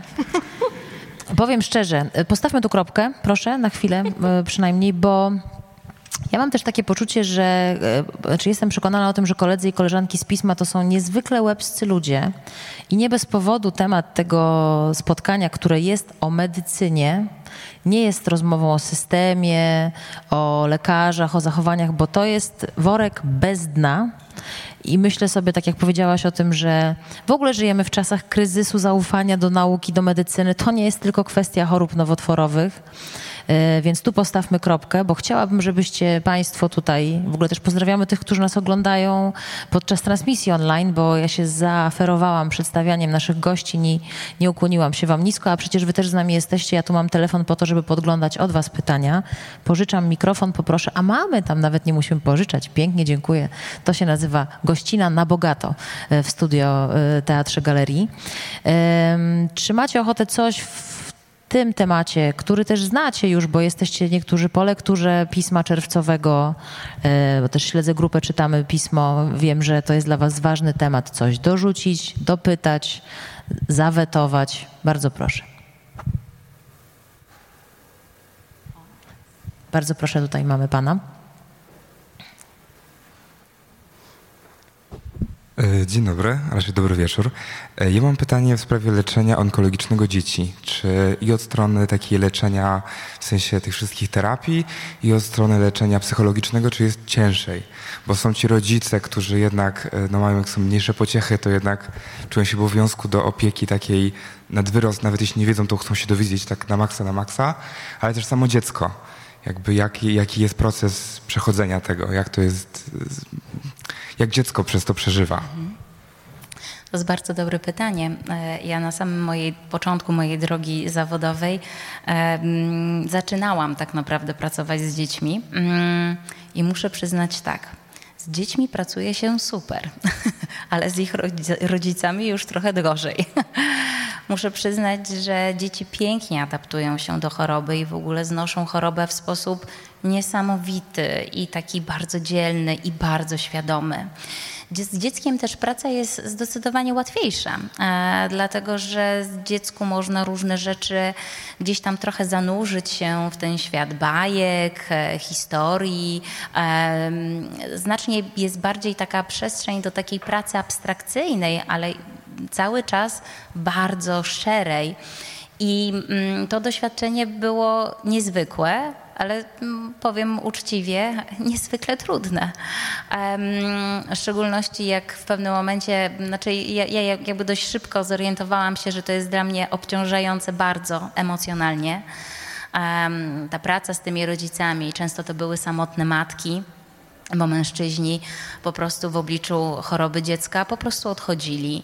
E, ogromne kryzysy też w, taki, w, obrębie rodziny, a nawet rodzeństwa, no bo zdrowe dziecko zostawało w domu, na przykład pod opieką babci. I e, i było złe na mamę, że im często mówiło, czy ja też muszę być chory, tak, albo chcę być chory, żeby się, żeby się mną, mną zajmowała tak samo mamusia. E, problem z rodzicami, którzy i rodzinami, którzy starali się przez lata różne rzeczy na przykład ukrywać, mówić nie używamy tego słowa, nie mówimy. Wiele różnych takich naprawdę systemowych trudności, ale powiem tak, dla mnie osobiście była to praca bardzo obciążająca. Piękna, ale obciążająca. A już w szczególności, kiedy sama e, mam, mam dzieci e, i pamiętam, ostatnio byłam zaproszona do takiego projektu i wchodząc po prostu na salę, z dziećmi, myślałam sobie, jejku, nie, po prostu nie dam rady, bo oczywiście no, gdzieś tam w taki naturalny sposób się trochę to przekłada na, na, na, na siebie, żeby było jasne, jakby mm, te lęki mimo wszystko są gdzieś tam mm, choć są na pewno bardziej oswojone. W związku z tym podziwiam wszystkich, którzy pracują z dziećmi, ale jest to niezwykle, niezwykle ciężkie, bo te dzieci są przeurocze, wdzięczne, przedzielne i niejednokrotnie wspierające swoje, swoich rodziców, bo są silniejsi niż, niż rodzice. Dzięki za pytanie. Czy chcesz, Ania, coś dodać? Bo tak... Nie, absolutnie się zgadzam. Mm, właśnie z tego powodu, jak jest to obciążająca praca, ja nigdy nie chciałam być pediatrą albo e, onkologiem mm, dziecięcym. E, natomiast i tak skończyłam w pracy w klinice, której leczymy nastolatków, ponieważ mięsaki są to choroby dzieci, młodzieży e, i osób młodych, takich właśnie do trzydziestki. Jest potem drugi pik koło 60, ale znaczna lwia część tych rozpoznań to młodzież i oni przychodzą z rodzicami um, i musimy na przykład przedstawiać termin chemioterapii do studniówki albo do matury albo do czegoś i to jest um, naprawdę um, mocne wyzwanie, bym powiedziała, psychologiczne. Natomiast rzeczywiście prawdą jest to, że z całej tej rodziny, która przychodzi się leczyć, najczęściej najlepiej pracuje się z samym pacjentem. To ja się dołączę do pańskiego pytania, jeśli mogę. Jest tak, że dzieci się leczą skuteczniej? To znaczy, bo to są młode komórki, młode organizmy, tam się więcej dzieje, szybciej się dzielą, te białe mm, krwinki też są silniejsze. I tak i nie, dzieci mają, no, lepiej się regenerują, ale mają też paskudne rozpoznania nowotwory, które kończą się na blastoma różne. E, I to są wyjątkowo szybko dzielące się nowotwory, więc one leczą się skuteczniej, ale też mają gorsze nowotwory, tak bym powiedziała, jeśli można to uprościć. Jasne, dzięki. Kto z Państwa ma ochotę o coś jeszcze zapytać albo coś od siebie dołączyć? Bardzo proszę. Dzień dobry. E, ja mam pytanie też e, trudne o pieniądze bo każda choroba wiąże się z dużym obciążeniem finansowym. I to pytanie ma dwa aspekty. Po pierwsze, skąd środki na leczenie i skąd środki na badania, bo te badania są często długoterminowe. Też o tym artykuł w piśmie, tak, że w momencie, kiedy coś idzie nie tak w badaniu klinicznym, trzeba je powtórzyć jakby mm, od, od początku, tak, od zera. Więc pytanie, skąd środki na to, żebyśmy mogli wyleczyć raka? Czy to do Ani? Pytanie. Myślę, że do każdej z pań w zasadzie, skąd, żeby wyleczyć i też, żeby właściwie tym rakiem się zaopiekować również od strony psychologicznej. E, to zacznę od e, pieniędzy, które są potrzebne pacjentom na leczenie, od tego najbardziej praktycznego aspektu. Niestety w Polsce, jak wiemy, nie wszystkie terapie są refundowane. Są w tym procesie zaangażowane różne organizacje e, społeczne czy pożytku publicznego i niestety część ponoszą tutaj sami pacjenci. W wypadku pacjentów z mięsakiem taką grupą, która ich wspomaga jest Stowarzyszenie Sarkoma, które opiekuje się pacjentami z mięsakami i czerniakami, są analogiczne do e, innych rozpoznań i można szukać takiej pomocy e, w, właśnie w takich stowarzyszeniach. Drugi aspekt, jaki jest, często teraz w telewizji pojawiają się ubezpieczenia, ubezpiecz się przed rakiem.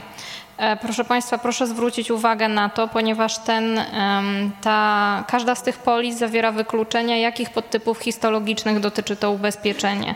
Oczywiście są to najczęstsze podtypy nowotworów, na które, które to ubezpieczenie obejmuje, natomiast bardzo wielu nie obejmuje, czego już nie ma w tej reklamie, więc tą polisę należy czytać bardzo uważnie. To nie jest ubezpieczenie przed każdym rakiem, to jest przed wybranymi typami i jest to napisane drobnym drukiem. Więc tutaj z taką inwestycją też trzeba podejść do niej rozważnie. Ono może się sprawdzić, ale może się nie sprawdzić.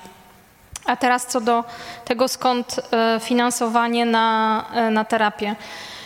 Proszę Państwa, finansowanie terapii zaczyna się od tego, że ktoś musi ją odkryć e, i tutaj w znacznej mierze w naszym kraju leżymy, ponieważ finansowanie badań podstawowych i translacyjnych jest na poziomie naprawdę miernym. E, tymi instytucjami, które zajmują się finansowaniem badań, które mogą prowadzić do rozwoju nowych leków, e, jest Narodowe Centrum Nauki. Jeśli Państwo spojrzą na budżet tego centrum, to ono od wielu lat się nie zmienia. W związku z tym, biorąc pod uwagę mm, ostatnią inflację, ale też w ogóle występującą inflację bazową, która mm, czy mamy pandemię i wojnę, czy nie, po prostu jest, to de facto finansowanie nauki w Polsce spada. E, także mm, no, tu bym nie była nastawiona optymistycznie. E, są co prawda w Polsce sukcesy. Technologia, która doprowadziła do e, rozwoju szczepień przeciwko COVID, a teraz jest też podstawą rozwoju tych szczepionek przeciwnowotworowych, o których mówiłam, opartych na technologii RNA, powstała w Warszawie na Wydziale Fizyki w Zakładzie Biofizyki. Profesor Darżynkiewicz z zespołem jest autorem i właścicielem patentu, który dotyczy przedłużania życia małych cząsteczek RNA.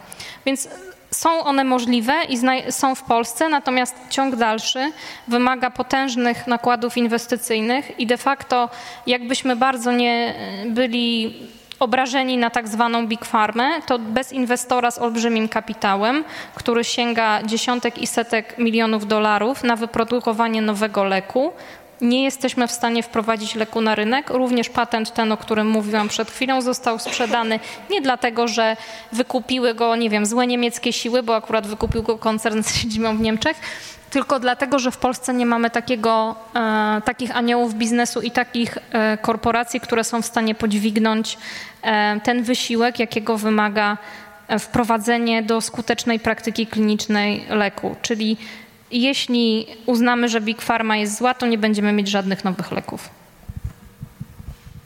Czy któraś z Pań chce coś dodać do wątku finansowego? Tak, to będzie wątek finansowy o tym, skąd pacjenci biorą pieniądze na e, leczenie e, nierefundowane.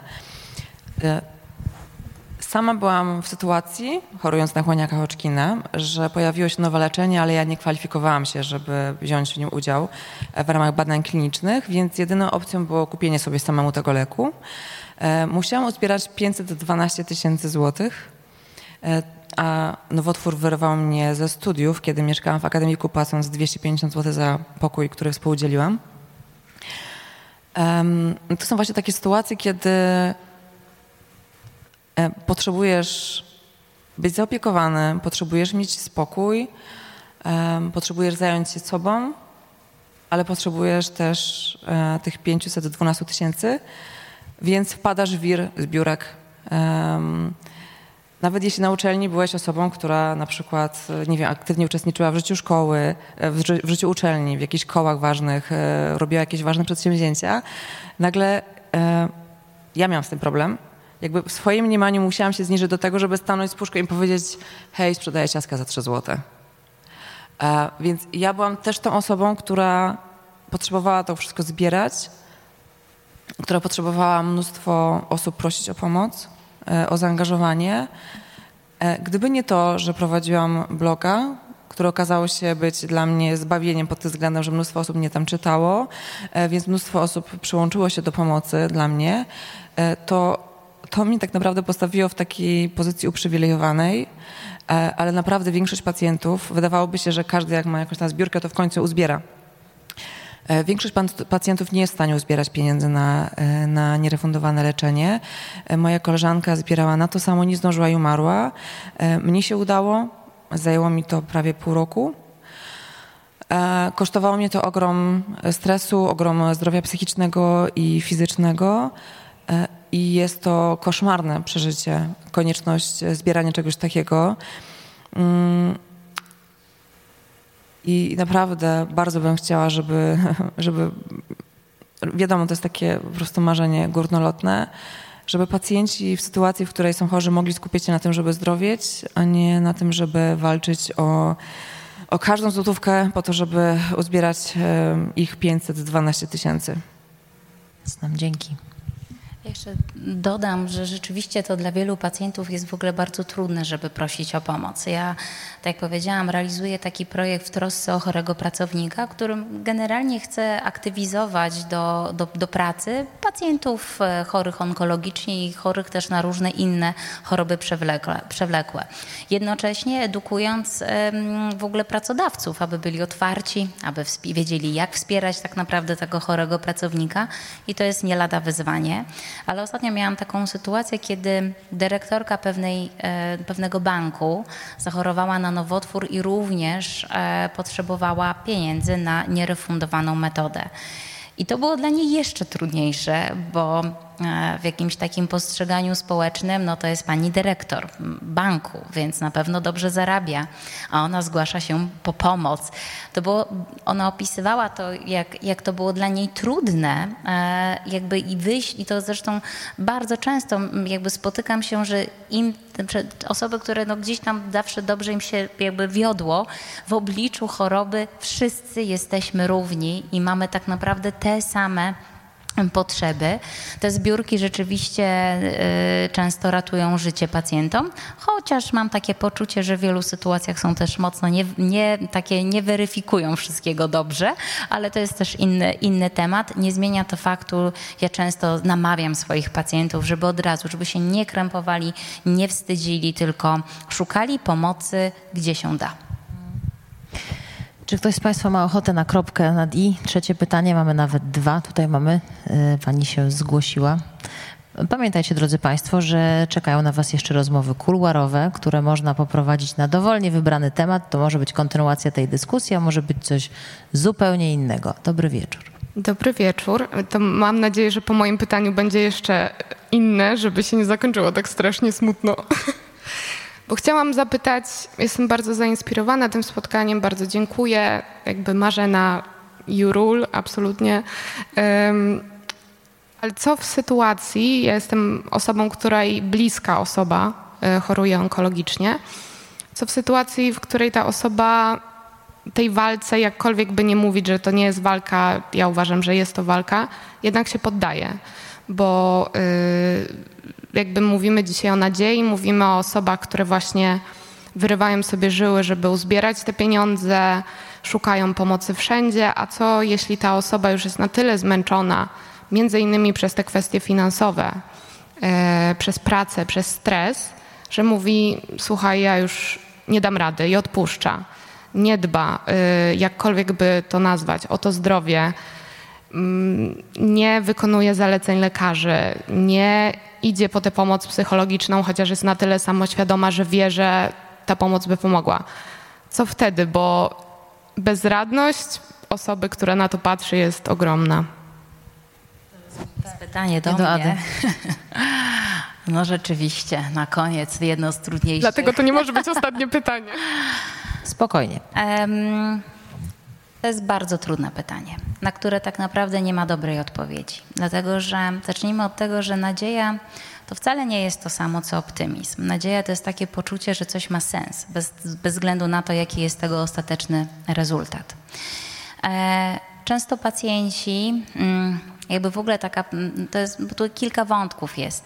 Często pacjenci rzeczywiście w przebiegu swojej terapii, leczenia, które też często trwa długo, nie tylko e, często chorują na depresję, ale też zmagają się z takim syndromem zmęczenia leczeniem choroby. Często ta choroba e, przybiera postać uporczywej terapii. E, różne trudności i problemy, które towarzyszą pacjentowi, powodują, że ten pacjent naprawdę traci siły. I rzeczywiście mamy wtedy podwójną tragedię, bo mamy te osoby wspierające, które czują się bezradne um, i to jest takie właśnie jak być tym dobrym wsparciem, jednocześnie nie tracąc siebie. A z drugiej strony mają po drugiej stronie pacjenta, który, no właśnie, nie jest za bardzo otwarty na pomoc.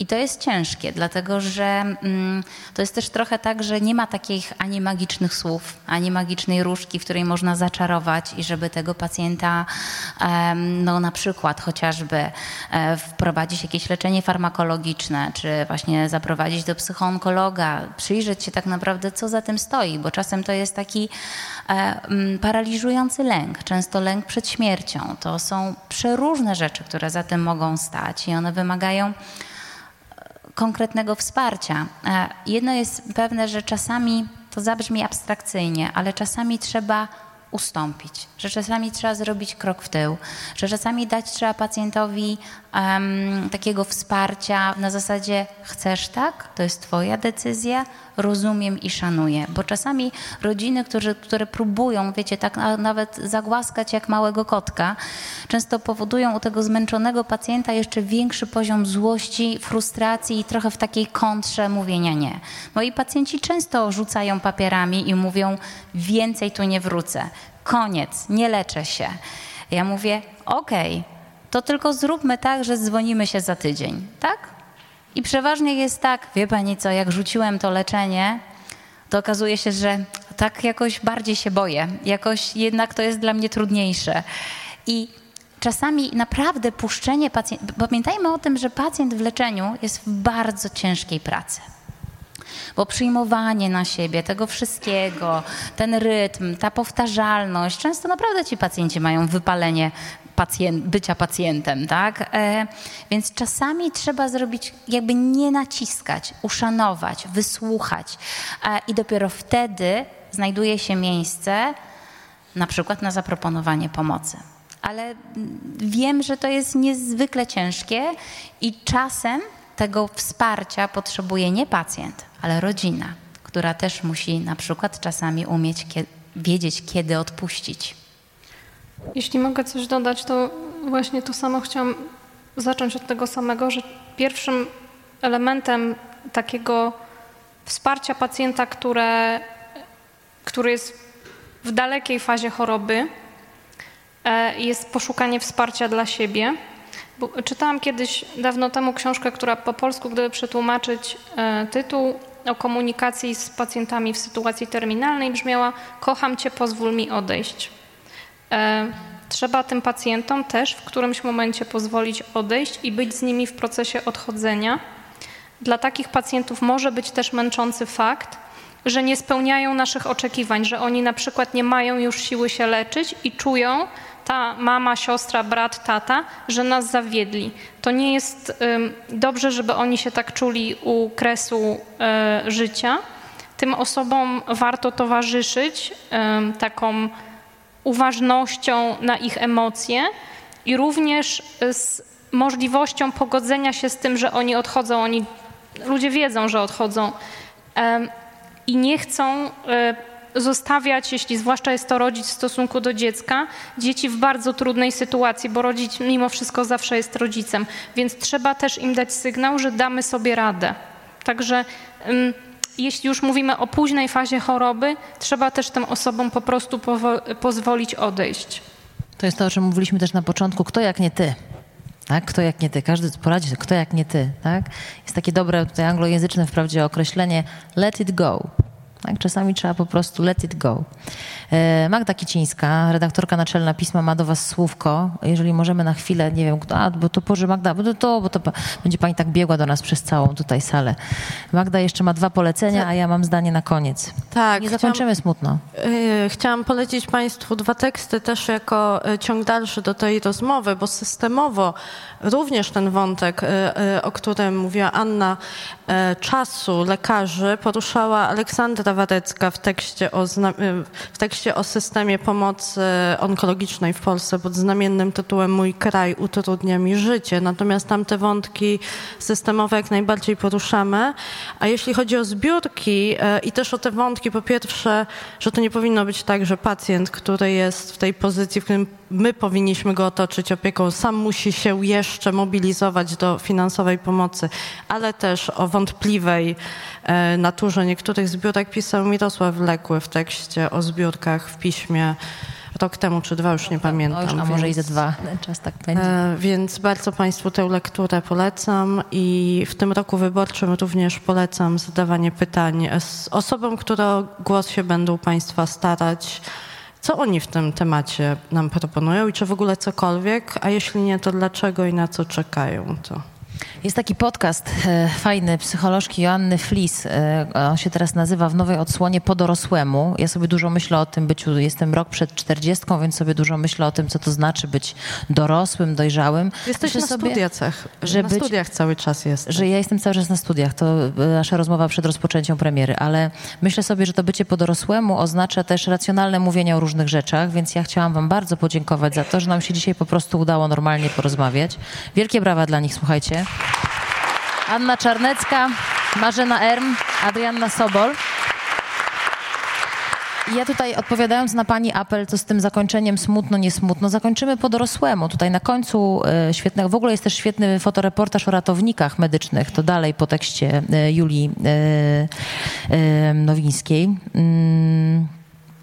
Jest tak, nie przeczytam wam całej puenty jej y, tekstu, bo to nie o to chodzi, musicie sobie ten tekst poczytać sami, ale w tej puencie jest takie zdanie jednej z bohaterek. Moją rewolucją w walce z rakiem okazała się zmiana myślenia i uzmysłowienie sobie, że mogę żyć pełnią życia dopóty, dopóki jestem na ziemi. Nie trzeba mieć raka, żeby sobie uzmysłowić, że mogę żyć pełnią życia dopóty, dopóki jestem na ziemi. I za to, że dzisiaj z nami byliście i byłyście wielkie dzięki. Dopóty jesteśmy na ziemi, a z tą ziemią wiadomo, nie tylko ze względu na choroby nowotworowe różnie się dzieje, dzieje. O czym więcej 5 lipca na premierze pisma, w której woda w rolach głównych i to, co się wydarzyło e, e, na Odrze. Ten czas, który mamy, nikt z nas nie wie, ile tego czasu mamy tak naprawdę. Wykorzystajmy najlepiej, jak potrafimy. Także spędźcie ten moment ze sobą. Dziękuję Wam pięknie, Wam również. Po Justyna prostu dobrego wieczoru. Dziękujemy Dzięki. bardzo.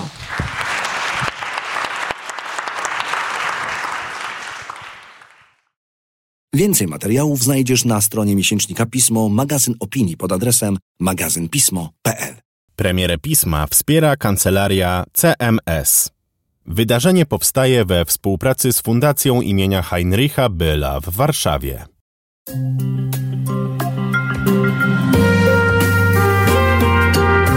Pismo.